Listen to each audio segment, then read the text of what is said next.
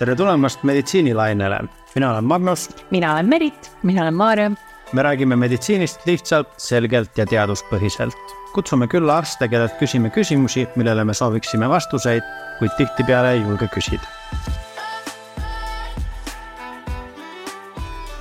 tere, tere, hüppame jälle meditsiinilainele ja täna räägime ühest väga õnnetust päevast, mis läheb väga nihu ja meil on äh, siin külaline, perearst ja kiirabiarst äh, Maris Tustit, tere Maris. tere ka teile. tere.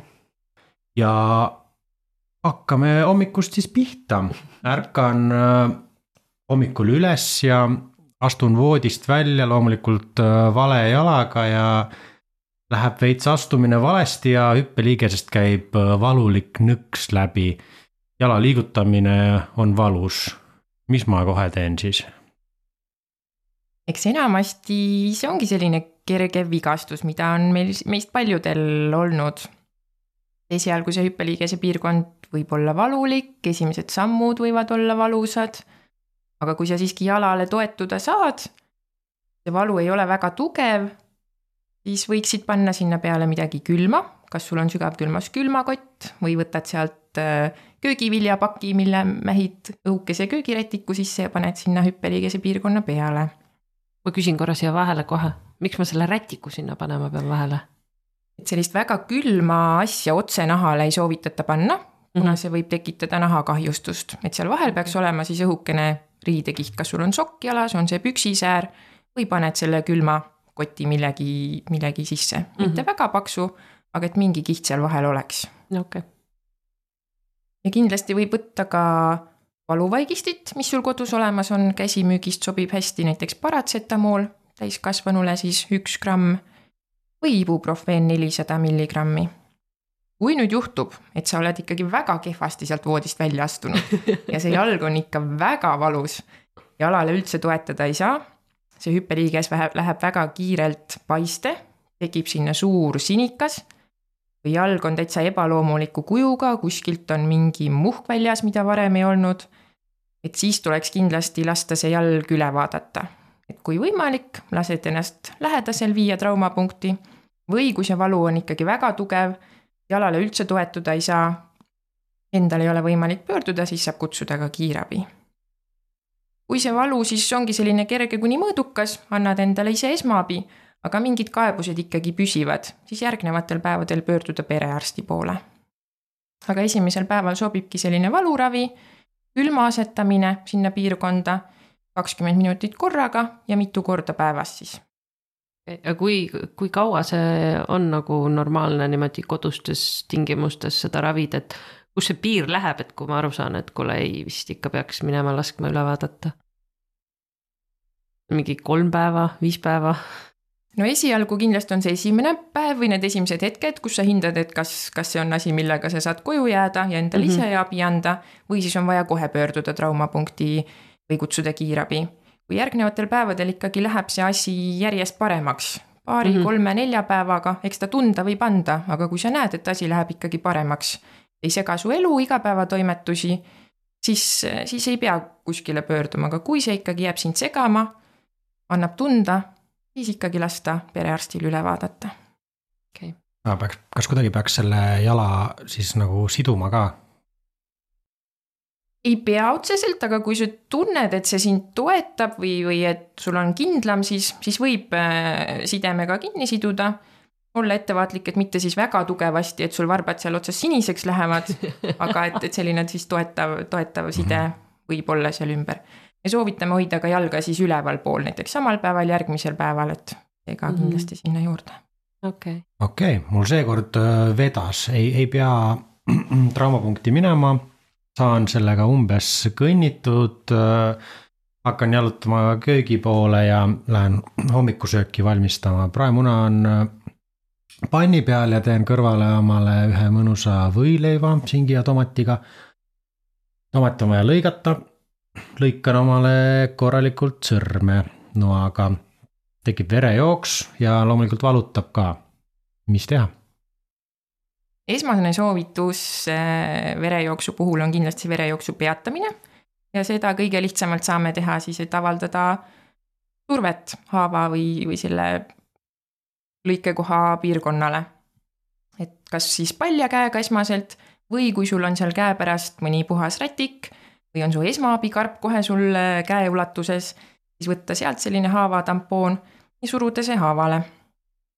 ja see surumine täitsa mitu minutit võid julgelt järjest suruda. üldiselt kerged väiksed verejooksud sellega peatuvad mitte panna siis väga paksult sinna mingit rätikut või sidumismaterjali, sest siis me surume pigem seda rätikut, mitte enam seda haava ja mhm. verejooksu. Mida vähem massi ja seda suurem surve on sellele verejooksule ja ta jääb kiiremini, kiiremini kinni. kui tundub, et veritsus on peatunud, siis võib hinnata seda haava suurust ja sügavust. kui tegemist on väikese pindmise haavaga, siis saab lihtsalt panna peale plaastri. kui on tegemist suurema haavaga et haavaservad on irvakil ja, ja ta on väga liikuvas piirkonnas, et võib-olla kui sa hoiad sõrme sirgelt, siis on need haavaservad koos, aga kui sa hakkad seda liigutama, siis kogu aeg need haavaservad nagu lähevad irvakile. siis ta ei taha ka väga hästi paraneda, et võib-olla vajab ikkagi õmblemist. ja kui on selline olukord, siis katta ta puhtalt ja pöörduda traumapunkti. kui see verejooks ei peatu ja tegemist on sellise suurema haavaga, see verejooks on suurem, siis kindlasti seda survet hoida pikemat aega, et kas ta siis selle aja jooksul peatub. Kui see on käsi, siis sa saad selle käe üles tõsta, et siis ka see veri voolab sealt käest nii-öelda su keha poole. rohkem survet ja siis hinnata, et kui see ikkagi ei peatu pärast seda survet, kas siis kutsuda kiirabi või pöörduda traumapunkti. kui sellest haavast on nüüd tõesti selline purskav ja väga rohke verejooks, avaldad survet ei peatu, kutsud kellegi appi, kes aitab sul sinna mhm. peale suruda, ka veritseb ja, ja juba pikemat aega.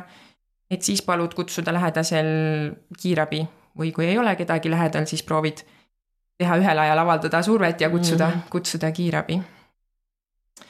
ja kui me räägime väga suurest verejooksust, siis mainin siia juurde ka ära, et enam äh, ei soovitata ise käepärastest vahenditest tehtud žgutte kasutada Eh, varem, varem väga soovitati, et suur verejooks, paneme žguti peale, sulgeme selle arteriaalse verejooksu. siis nüüd enam mitte, et mis see põhjus on. et žgutti me kasutame siis arteriaalse verejooksu peatamiseks, mis ongi selline purskav ja suurest veresoonest ja jookseb väga kiiresti. siis kui me teeme sinna žguti peale, aga me ei tõmba kinni seda arterit, vaid veenid on meil pindmisel, pigem me sellega sulgeme need veenid mis siis viivad tegelikult verd meil sealt jäsemest ära tõmbame need kinni, aga arterit ei tõmba, siis arterist veri jookseb peale, aga veenide kaudu ta ära ei saa enam joosta mm. -hmm. et siis me nagu tekitame tegelikult seda verejooksu sinna juurde.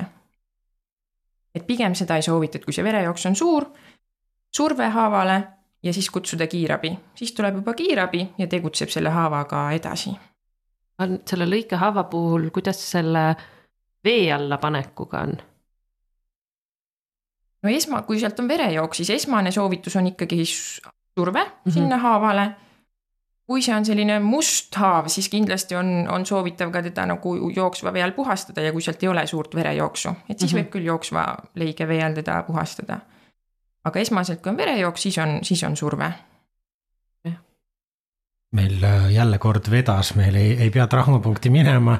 saime, saime ise hakkama survega ja jalg ikka veel valutab ja sõrm ka natukene, aga, aga saame edasi, lõpuks ometi saame oma võileiva juurde naaseda ja nosime seda võileiba seal laua ääres ja ühtäkki teiselt poolt toast äh, jookseb laps, kes hüppab meile selga ja tõmbame oma võileiva kurku, hakkame köhima. mis nüüd siis? see on küll väga õnnetu päev siis sellisel juhul aina paremaks läheb et eks kui, kui midagi kurku tõmmata, siis õnneks meil on olemas see köharefleks, mis ajab meid siis kohe automaatselt köhima. seda kindlasti jätkata, ise siis soodustada seda köhimist ja saame aidata ka siis sellise ettepoole kummardava asendiga. ja kui keegi on läheduses, kes siis märkab, et, et selline asi on juhtunud, siis on, on hea läheneda ja appi minna aga see kummardumine on siis nagu sellepärast, et see kuidagi lihtsamini tuleks välja, see tükk, mis meil kinni on jäänud kurku või? jaa, just, et päris pea alaspidi me ennast ei, ei pane, aga see ettekummarduv asend aitabki siis seda seda, seda tükki nii-öelda ettepoole ja väljapoole võimalusel äh, aidata sealt välja mm. -hmm. nii, aga elukaaslane tuleb appi, mida tema siis saab teha meile? ta saab aidata julgustada köhima, et see on kõige esmane. Et see kannatanu köhiks, prooviks ise seda võõrkeha eemaldada sealt hingamisteedest. kui siiski see ei ole efektiivne ja kannatanu seisund halveneb, ta ei ole suuteline enam köhima, vaid, vaid ahmib õhku, siis astuda selle inimese selja taha, painutada ta ülakeha ettepoole ja anda siis äh, lahtise käega või kämblaga eh, siis viis kiiret tugevat lööki kannatanule abaluude vahele.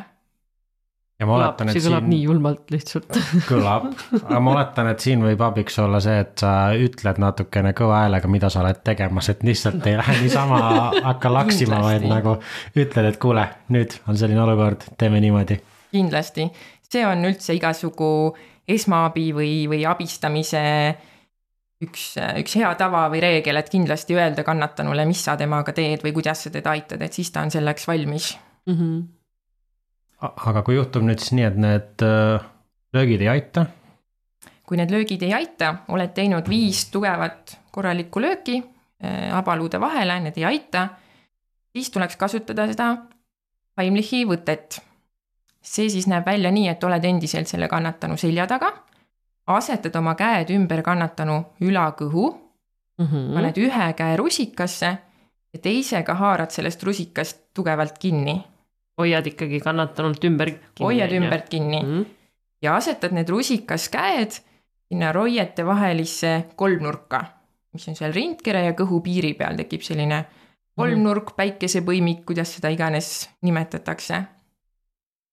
ja kui need käed on tugevalt sinna pandud, oled kannatanu selja taga, tõmbad neid käsi järsu liigutusega nii-öelda enda poole või sissepoole ja ülespoole et siis avaldame survet sellele ülakõhule, meie vahelihasele.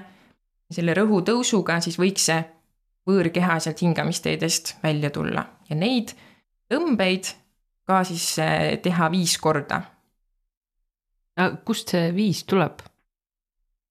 miks viis just, miks, miks mitte, kas seal on nagu mingisugune selline, sa saad selle õhu paremini siis liikuma selle viie korra peale, et kui vähem teha, et siis ei aita kui see võõrkeha väljub, siis muidugi võib teha vähem, et kui, kui see esimese korra peale väljub, siis mitte enam viis korda teha. väga hea tähelepanek. et teha neid siis jah, seni, kuni see võõrkeha väljub, kui ei välju, siis kuni viis korda. et esimene kord võib-olla sa katsetad, sa ei tea täpselt, kui tugevasti teha mm. -hmm. ja iga kord see rõhk nagu natukene tõuseb ja, ja aitab kaasa rohkem ka välja tulla sellel võõrkehal. mm. -hmm. kui nüüd nende kahe erineva liigutuse kombineerimise peale see ei väljunud, siis oleks kindlasti see hetk, kus siis helistada häirekeskusesse, kutsuda kiirabi. kui on keegi teine sealjuures veel, siis ta saab juba seda jooksvalt teha, Mm -hmm. aga kutsuda, kutsuda abi ja seejärel jätkata siis nende kahe erineva liigutuse kordamööda tegemist, et jälle viis lööki abaluude vahele ja siis viis kõhutõmmet selja tagant. seal on nagu vahe ka, et kus torus mul see toit on või? et kas see käitumine on erinev vastavalt sellele? kui sa juba köhima hakkad ja hingata ei saa, et siis ta järelikult on kuskil seal hingamisteedes. mm. -hmm. kui ta on lihtsalt sul söögitorus kuskil kinni jäänud, et siis see, see su hingamist ei sega, see on lihtsalt ebamugav. okei okay., et see pool eluohtlik ei ole, see on lihtsalt ebamugav jah mm. -hmm. ohtlik on siis, kui ta satub ikkagi hingamisteedesse ja, ja sa ei suuda seda ise kohe välja köhida. ja taaskord läks meil väga hästi, Heimlik töötas ja saime võileiva, lõiva välja ja saame oma toredat päeva jätkata.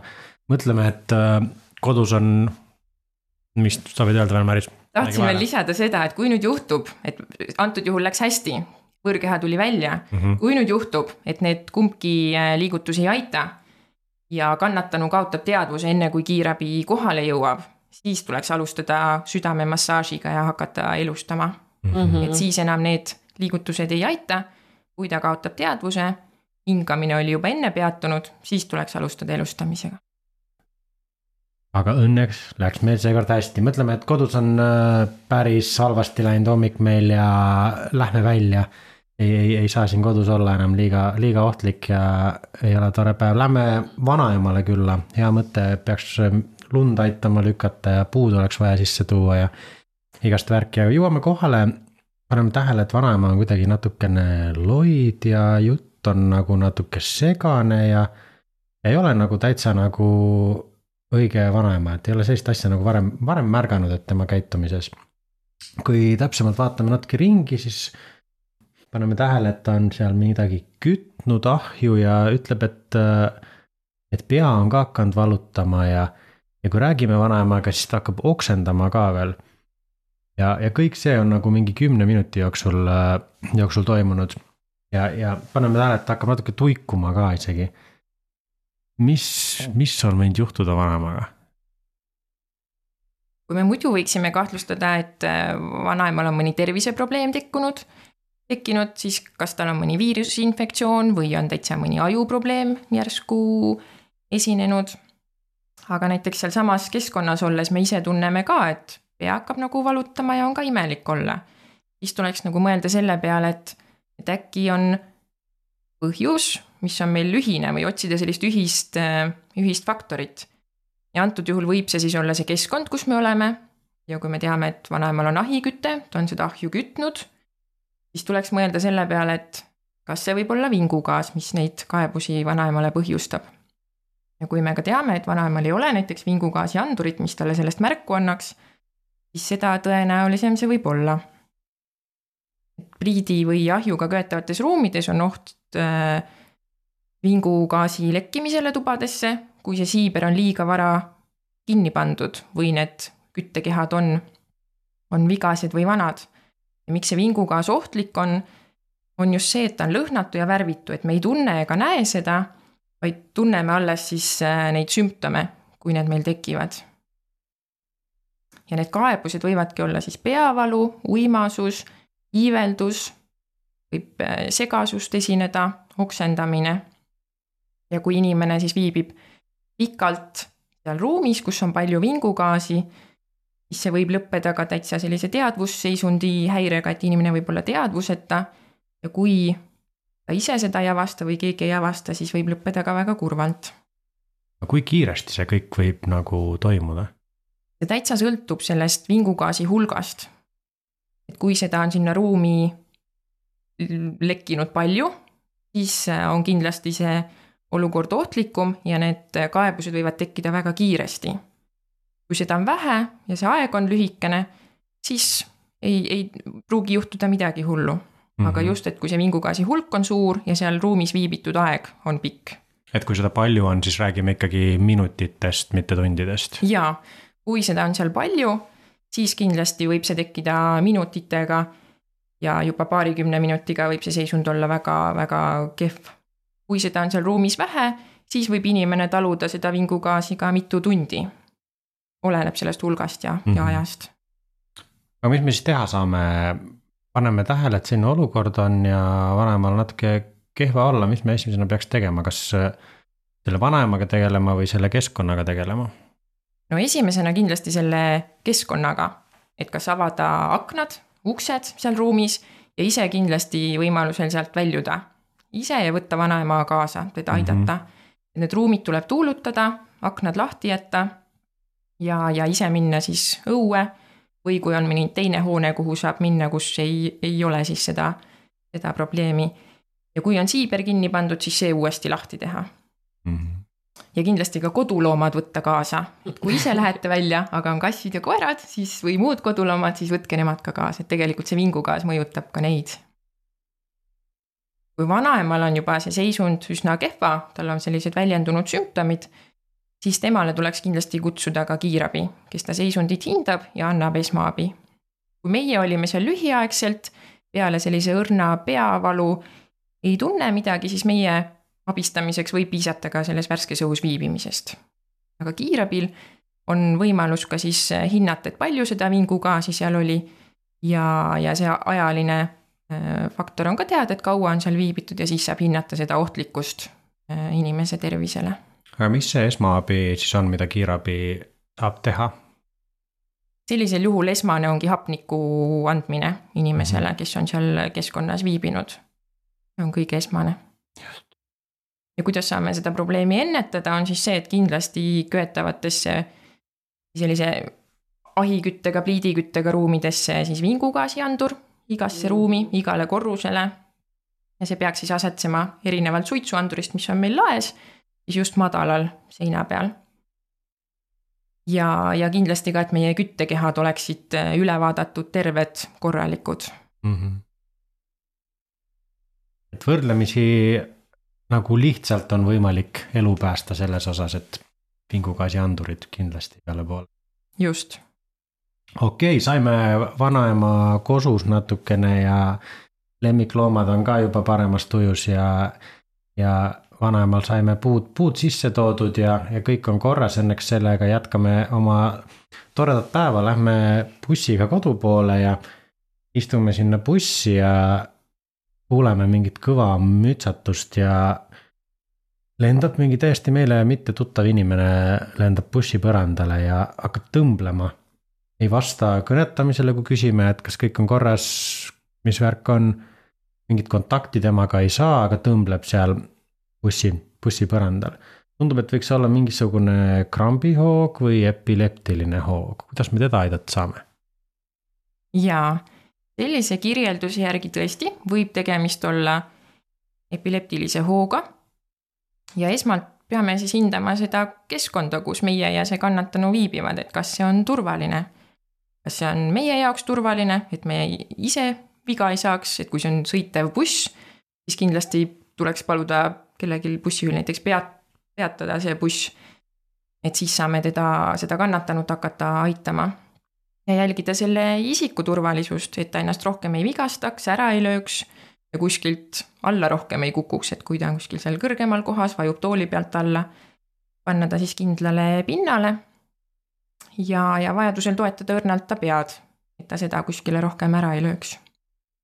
kindlasti ei tohiks panna talle mitte midagi suhu et varasemalt võib-olla on olnud selline soovitus, inimesed on kuulnud, et kui keegi krambitab, siis tuleks talle kindlasti panna midagi suhu. pliiats, pliiats hammaste vahele. pliiats või puupulk hammaste vahele mm. -hmm. et seda siis kindlasti teha ei tohiks, see teeb rohkem kahju kui kasu. et võib ta siis tekitada endale lisavigastusi, kui ta selle puruks närib, võib see mm -hmm. sattuda kurku, mis iganes veel seal et epilepsia hooajal see millegi suhupanek ei ole kindlasti soovitatav. ja, ja selle inimese hingamine ei pruugi olla tavapärane, see võibki olla selline katkendlik ja, ja see, see käib selle hooga kaasas. kui äh, see ei ole meile tuttav inimene, me ei tea, kas see on tal esimene kord või korduv hoog tal ongi selline epilepsia haigus, need hood tal käivad. kui me seda ei tea, siis kindlasti kutsuda kiirabi mm. -hmm. või lasta kellelgi, kes seal juures on, kutsuda. ja kui tõmblused on möödunud, aga see kannatanu ei ole teadvusele tulnud, siis kontrollida tema hingamist, kas ta hingab, et hooajal see hingamine võib olla häiritud. ta võib olla näost sinakas, aga kui see hoog möödub, siis see kannatanu peaks hakkama hingama kui ta ei hakka hingama, mis me siis teeme mm? -hmm. elustama. õige, siis tuleb hakata elustama. kui ta hingab, aga on endiselt teadvuseta, siis me paneme ta sellisesse asendisse, kus need hingamisteed oleksid avatud, ehk siis püsivasse külili asendisse. ja kui me oleme ta pannud sinna külili asendisse, siis kindlasti kontrollida, et need hingamisteed oleksid avatud, kui seal suus on mingit sekreeti, et see saaks välja voolata ja et endiselt see kannatanu hingaks ka seal külili asendis, et selline mm -hmm. korduv hingamise kontrollimine on kindlasti väga oluline. et saame panna ta enda käe talle pea alla, et see toetaks. ja et see sekreet saaks välja, välja voolata. kas äh, nendel inimestel, kellel äh, selliseid epilepsiahooge on, kas, kas neil on ka mingisuguseid, äh, ma ei tea, käevõrusid või mingisuguseid asju, millest selle nagu teada antakse, ma tean, et osade haiguste puhul on selliseid olemas jaa, võib-olla küll. ma ei ole päris kindel, kui paljudel äh, selline asi on, aga võib vaadata küll käe peale, et kas neil on mingi käevõru, kus on, kus on näiteks kirjas, et olen epileptik mm. -hmm. või, või kuskil nähtaval kohal mingisugune teade selle kohta, kas mm -hmm. nende telefoni või rahakoti juures, muidugi me ei hakka väga seda otsima, et pigem Just. ongi see käe, käevõru seal randme peal, mida me võime kontrollida.